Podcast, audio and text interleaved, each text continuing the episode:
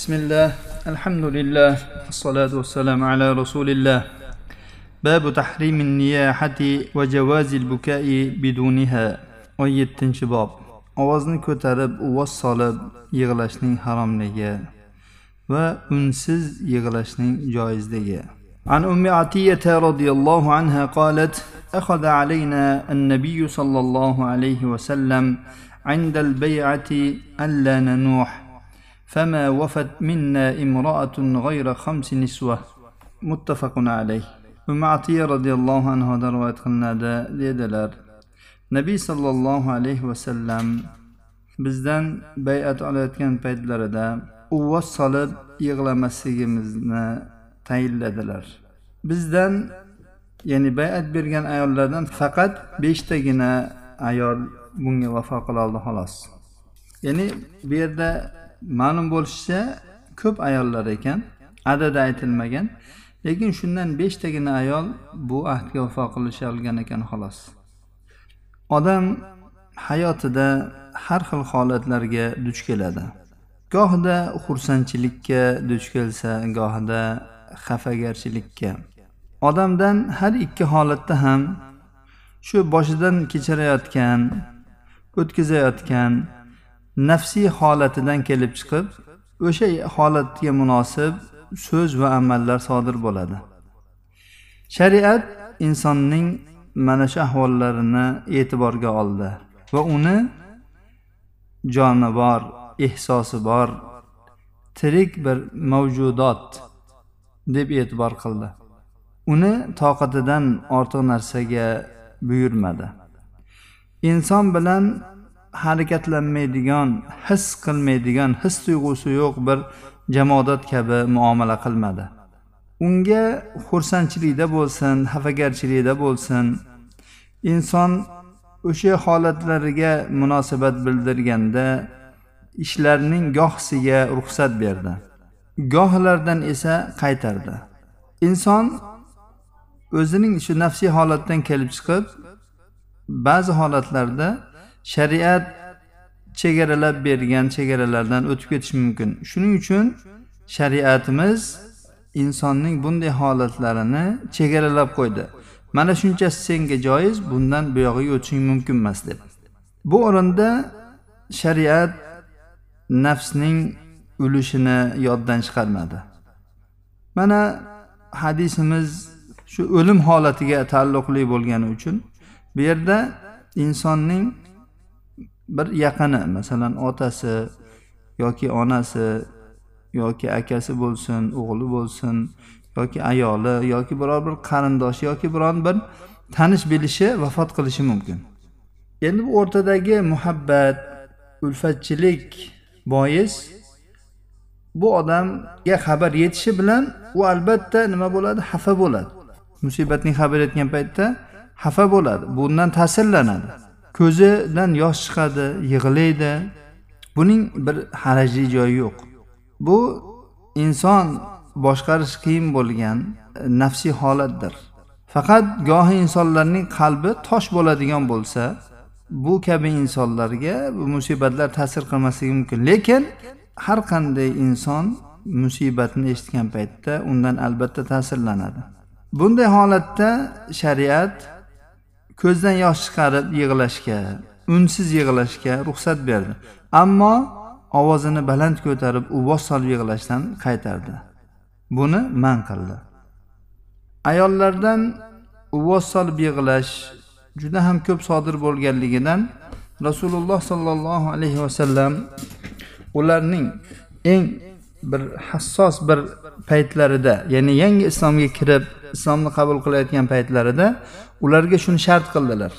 Ularni ahdini oldilarki o'liklariga uvvos solib yig'lamaysizlar dedi. Buning juda ham ya'ni bir yomon tomonlari bo'lganligi uchun rasululloh sollallohu alayhi vasallam ayollarni ya'ni shu yodlaridan chiqib qolmasin eslaridan chiqmasin deb turib shu eng bir esda qoladigan holat islomni qabul qilayotgan holatlarida rasululloh sollallohu alayhi vasallam bayat paytida ularga buni shart qildilar. Ya'ni uvvos solib yig'lamaysizlar dedilar. Ayollarning o'ta musibatlarga besabrliklari tufaylik va ahdlarga ham jiddiy vafo qilmasliklari tufayli bir qancha ayollardan faqat beshtasigina bu ahdga vafo qilisholdi xolos.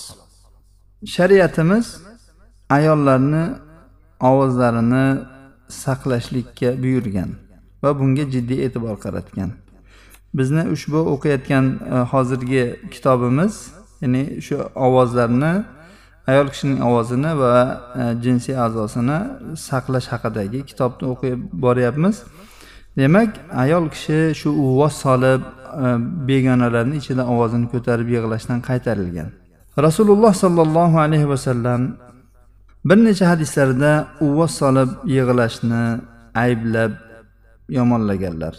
Va uning bir e, yomonliklarini va uni orqasidan keladigan gunohlarni aytib o'tganlar.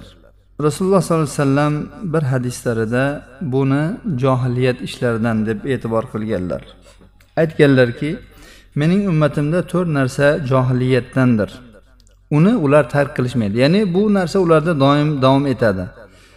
Nasablari bilan faxrlanish shu nasablarga tan etkizish yulduzlardan yomg'ir tilash va o'liklarga uvvos solib yig'lash. Aytganlarki go'yanda ya'ni uvvos solib aytib deb yig'lovchi ayol agar o'lim o'lishidan avval tavba qilib qolmaydigan bo'lsa qiyomat kunida uning moydan bo'lgan lovullab yonib turgan moydan bo'lgan ko'ylagi va uning ustida jalob bir juda ham yomon bir yara bo'ladi. Shundan bo'lgan bir kamzuli bilan turadi deganlar bu yerda o'zi aslida sovut degani. Shunday sovut bilan turadi qabridan. Yana bir hadislarda aytganlarki ikki so'z dunyoda ham oxiratda ham la'natlangandir. Va shulardan biri musibat paytida ovoz chiqarib yig'lash dedilar. Abu musal ashariy roziyallohu anhudan rivoyat qilinadi. U kishi juda ham qattiq og'ridilar va hushlarini yo'qotdilar. Boshlari ahli oilalaridan bo'lgan bir ayolning quchog'ida edi. Shunda bu ayol uvvos solib yig'ladi. Abu musa uniga inkor qilishga mador topolmadi ya'ni hushsiz edilar o'zlariga kelgach aytdilarki men rasululloh sollallohu alayhi vasallam undan pok bo'lgan odamdan pokman dedilar. Rasululloh sollallohu alayhi vasallam har bir musibat paytida uvvos soladigan ayoldan musibat paytida sochini qiradigan ayoldan va e, ko'kraklarini ko'ylaklarini yirtib yig'laydigan ayoldan pok ekanliklarini e'lon qilganlar.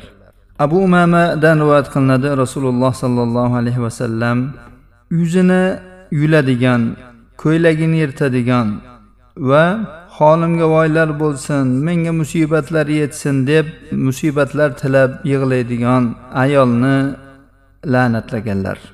Bu o'sha aytib deb yig'laydigan ayollar aytishadiki seni o'rningga men o'lsam bo'lmasmidi? Seni o'rningga men go'rga kirsam bo'lmasmidi? Va hokazolar deb dodvoy solishadi. Bularni hammasidan qaytarilgan nafaqat qaytarilgan balki shunday deb yig'lagan ayol la'natlangandir. Bu kabi ishlar haqiqatda ayollardan juda ham ko'p sodir bo'ladi. Siz tasavvur qiling ana shu musibatlangan ayyuhonni solayotgan ayolni tasavvur qiling. Yuziga uradi tizzasiga uradi. Tizzasiga emas e, soniga uradi. Yuziga bir ursa bir tizzasiga uradi. Keyin betini yuladi kiyimini yuladi ro'mollari sochilib ketadi boshlaridan tushib sochlari to'zib ketadi. Ha butun asha aytib voy sen u eding voy sen bu eding suyangan tog'im eding unimiding bunimiding deb rosa aytib deb yig'laydi. Balki buni agar aytib deb yig'lamasa juda odamlarni ichida sharmanda bo'laman deb shuning uchun ham yig'laydi. O'zi yuragidan chiqmasa ham tilidan chiqadi. Lekin tilidan chiqadimi yuragidan chiqadimi bu yerda u ana shu la'natni oladi.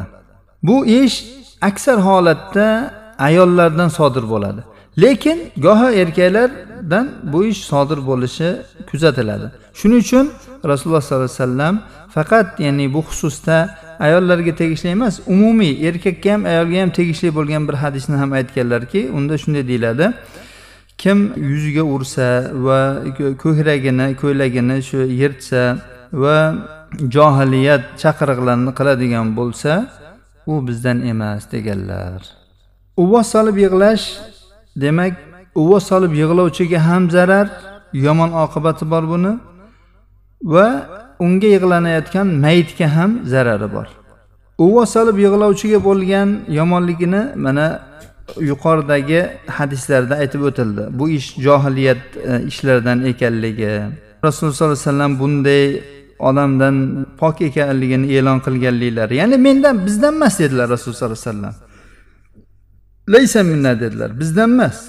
Ya'ni bizdan emas degandan keyin bundan ko'ra yomonroq gap bormi? Ya'ni biz musulmon emas u degani. Bu degani ya'ni uni dindan chiqarib olmayapti. Ya'ni u musulmonlar qatorida emas. Endi mayitga nisbatan buning yomonligi ular ya'ni yaxshi ko'rganligidan unga ayyohannos solib yig'layapti mana shu sababli ana shu mayit azoblanadi.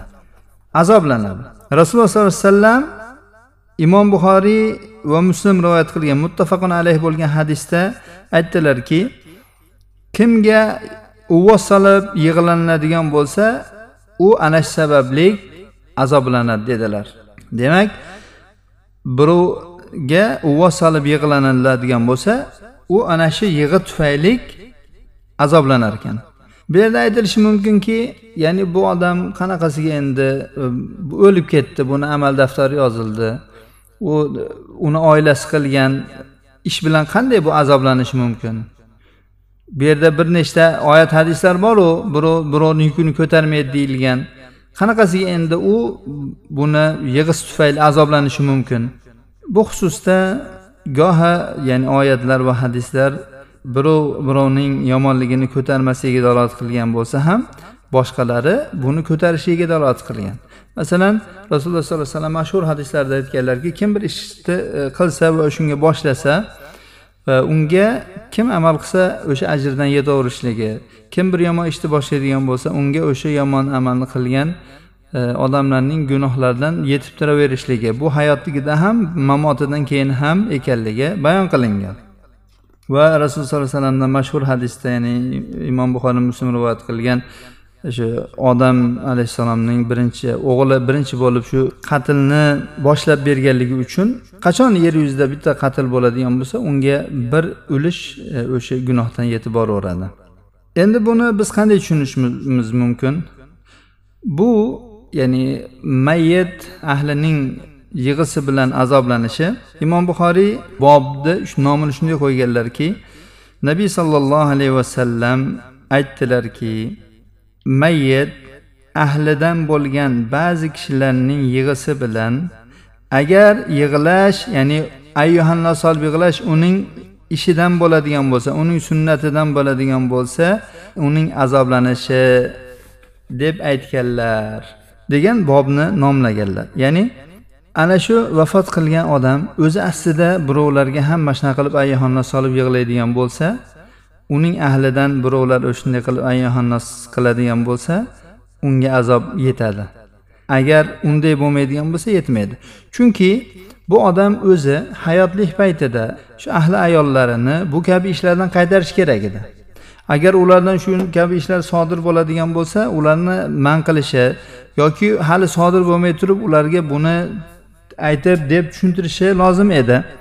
U bu ishlarni qilmadi. Yoki u bilardiki agar vafot etadigan bo'lsa uning ahli ayoli shu e, aytib deb uvvos solib yig'lashadi. Buni bilardi. Shuni u e, beparvolik qilib bu narsadan qaytarmadi. Ya'ni shu ya'ni qaytarmaganligi uchun ularga o'rgatmaganligi uchun bee'tibor bo'lganligi uchun go'yoki u o'zi ana shu ishlarni qilishlariga bir sababchi bo'lib qoldi. Shuning uchun ham u ahlining o'sha yig'lagan yig'isi tufayli azoblanadi. Ammo bu odam hayotlik paytida ularni qaytargan bo'lsa bu ishlarni qilishdan o'zi shu ishlarni qilib yurmagan bo'lsa bunga azob yetmaydi. Shuning uchun odam faqat ahli ayol emas ya'ni yaqin birodarlarni ham bu kabi ishlardan qaytarib bu narsalarning bo'lmasligini tushuntirib qo'yish kerak. Chunki E, yaqin yor birodarlar ham o'sha bir kishining ahli deb e'tibor qilinaveradi. Qachon shunday bir holat kuzatiladigan bo'lsa ya'ni ayollar dodvoy solib yig'layotgan bo'lsa ularni bu ishdan qaytarish kerak. Amri ma'ruf qilish kerak nahiy munkar qilish kerak. Chunki ularni bu ishdan qaytarish mayitga yaxshilik qilishdir. Yo qo'yavering yuragini bo'shatib olsin mayli deb olsin bugun demasa qachon deydi? deb unga bag'rikenglik qilib rahmdillik qilinmaydi. Balki uni to'xtatiladi. Hattoki rasululloh sollallohu alayhi vasallam aytganlarki og'ziga turpoq solinglar deganlar. Agar gapga quloq solmaydigan bo'lsa yig'lama ovozingni chiqarma desa ovozini chiqaraveradigan bo'lsa uni og'ziga turpoq tiqish kerak bo'ladi. Umar roziyallohu anhu bunga o'xshab yig'laydiganlarni aso bilan darra bilan urardilar yoki tosh otardilar bunaqalariga. Shunday qilib ularni man qilardilar. Aytib deb yig'lashning mumkin emasligi rasululloh sollallohu alayhi vasallamning ba'zi bir hadislarida kelganki imom termiziy rivoyat qilgan hadisda rasululloh sollallohu alayhi vasallam aytganlarki qay bir mayyit vafot etadigan bo'lsa unga yig'lovchi turib yig'lasib aytsaki oh suyangan tog'im oh sayyidim va shunga o'xshagan so'zlarni aytadigan bo'lsa unga ikkita farishta yuboriladida va ular uni biqinlaridan turtib aytishadiki sen shundaymiding? Sen shunaqamiding deb turishadi. Nima deb aytadigan bo'lsa voy unimidingiz bunimidingiz deb aytib deb yig'laydigan bo'lsa ikkita farishta uni biqinlariga niqtab sen shundaymiding? deb turishadi. Imom ahmad rivoyat qilgan ibn moja rivoyat qilgan lafzda agar mayit o'ladigan bo'lsa u tirik qolgan ahlining yig'isidan azoblanadi. Agar E, yig'lovchi ayol aytasa voy mening e, kuch quvvatimidingiz mening yordamchimidingiz menga kasb topib menga rizq topib keluvchi edingiz deydigan bo'lsa mayitni shunday bir siltanadida va unga aytadiki sen shunaqamiding? Sen uni kuchimiding? Sen uni yordamchisimiding sen unga kasb qilib pul topib keluvchimiding? deb uni nima qilib siltab turiladi. No'mon ibn bashirning hadisda kelganki roziyallohu taolo anhu abdulloh ibn ravoha hushidan ketdi. Shunda uning opasi amra yig'lay boshladi. Voy mening suyangan tog'im deb. Voy unim voy bunim deb yig'lay boshladi. Juda ko'p narsalarni sanadi. Hushudiga kelgan paytda abdulloh ibn ravoh aytdiki sen nima degan bo'lsang menga ey sen shunaqamisan ey sen shunaqamisan deb aytib turildi dedilar. Shunda bir rivoyatda ziyodasi bilan kelganki abdulloh ibn ravoha vafot qilganlarida mana shu opasi unga umuman yig'lamadi. Ya'ni o'sha gap kifoya qildi u ayolga. Ammo yig'i unsiz bo'ladigan bo'lsa shariat bunga ruxsat bergan. Chunki insonning bu qiyin holati yig'ini va ko'z yoshini talab qiladi.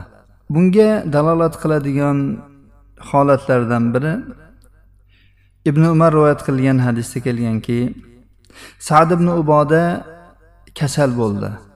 Juda ham qattiq kasal bo'ldi. Nabiy sollallohu alayhi vasallam abdurahmon ibn avf va sad ibn abi vaqqos abdulloh ibn masudlar bilan birgalikda sadni ko'rgani keldilar. Sadni oldiga kirganda uni shunday bir holatda topdilarki rasululloh sollallohu alayhi vasallam qazo qildimi? deb so'radilar. Ya'ni vafot topdimi va ya'ni jonlarini taslim qildimi deb so'radilar. Shunda ular aytishdiki yo'q ey rasululloh deyishdi. Nabiy sollallohu alayhi vasallam yig'ladilar. Ashoblari u kishining yig'isini ko'rgan paytlarida ular ham yig'ladilar. U zot aytdilarki eshitmayapsizlarmi? Alloh taolo ko'zning yoshi bilan qalbning mahzulligi bilan azoblamaydi. Va lekin mana bu narsa bilan azoblaydi deb tillariga ishora qildilar. Yoki rahm qiladi. Mayyit ahlining yig'isi bilan azoblanadi. Demak rasululloh sollallohu alayhi vasallam ushbu hodisada ko'z yoshining joizligi qalb mahzunligining joizligi biroq til bilan tilni saqlamasdan agar ovoz chiqarib yig'lanadigan bo'lsa aytib deb yig'lanadigan bo'lsa azob bo'lishi agar shunday bo'lmasa rahmat bo'lishini o'zlari bayon qilib berdilar. Yana bir boshqa hodisada rasululloh sollallohu alayhi vasallamga jon talashib turgan nevaralarini olib kelingan paytda qo'llariga tutkizilgan paytda u zot ko'zlaridan yosh chiqqanda sad ajablanib so'radilar ey rasululloh bu nimasi bu? Ko'z yoshi nimasi? deganda rasululloh sollallohu alayhi vasallam aytdilarki bu alloh taolo bandalarning qalbiga qilib qo'ygan rahmatdir. Alloh taolo bandalaridan rahmlilarini rahm qiladi deganlar. Bu rahmat. Bu shunday holatni ko'rganda albatta ya'ni ko'zdan yoshlar otilib chiqadi deganlar. Bu joiz bo'lgan ko'z yoshidir. Ibn abdulbar rahimaulloh aytganlarki o'limdan keyin ya'ni inson vafot qilgandan keyin uning ustida na yig'lash na ya'ni yig'lash deganda ya'ni ovoz chiqarib yig'lash aytib deb uning yaxshiliklarini sanab yig'lash mumkin emas. Ammo ko'zning yoshi qalbning mahzunligi bu rasululloh sollallohu alayhi vasallamdan sobit sunnatdir. Va butun ulamolar bunga ruxsat berganlar deb aytdilar. Ushbu hadisdan olinadigan ahkomlar va foydalar. Birinchisi uvvos solib yig'lash gunoh kabiralardan ekan. Ikkinchisi uvvos solib qilish aksar holatda ayollardan sodir bo'lar ekan. Uchinchisi uvvos solmasdan unsiz yig'lasa bo'lar ekan. Insonda shu jazavaga tushmasdan unda bir mahzunlikning ko'rinishi uning yuzida e, bu mumkin narsadir. Bu uni sabr qiluvchilar manzilatidan chiqarib yubormaydi.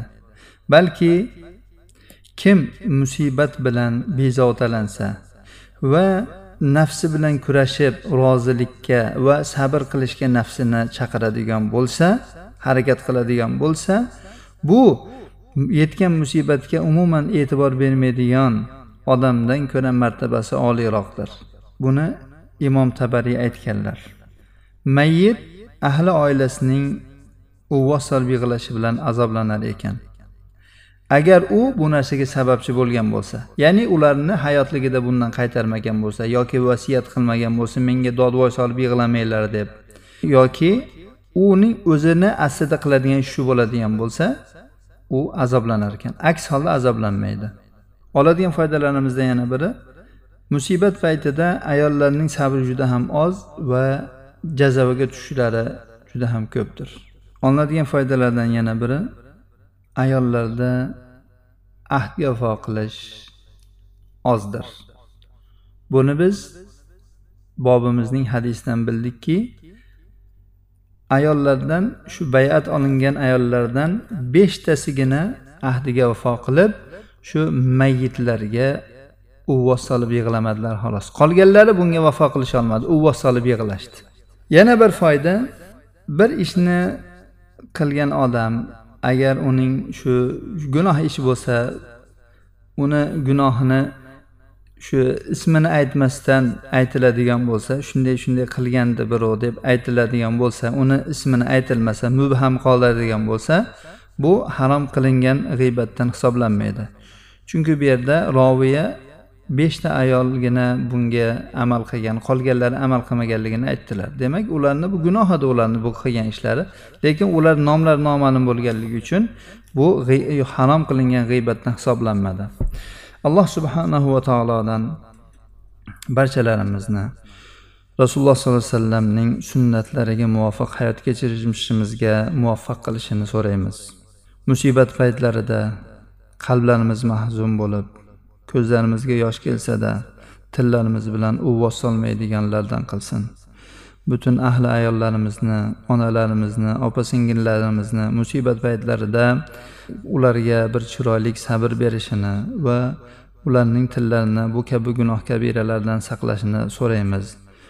Va erkaklarimiz hayotlik paytlarida o'z ahli ayollariga shu ta'limlarni bersinlar va bu kabi ishlarni agar hayotlarida boshqalarga qilishadigan bo'lsa bu narsalardan qaytarsinlar hada va sallallohu ala nabiyina muhammad va ala alihi va sahbihi vasallam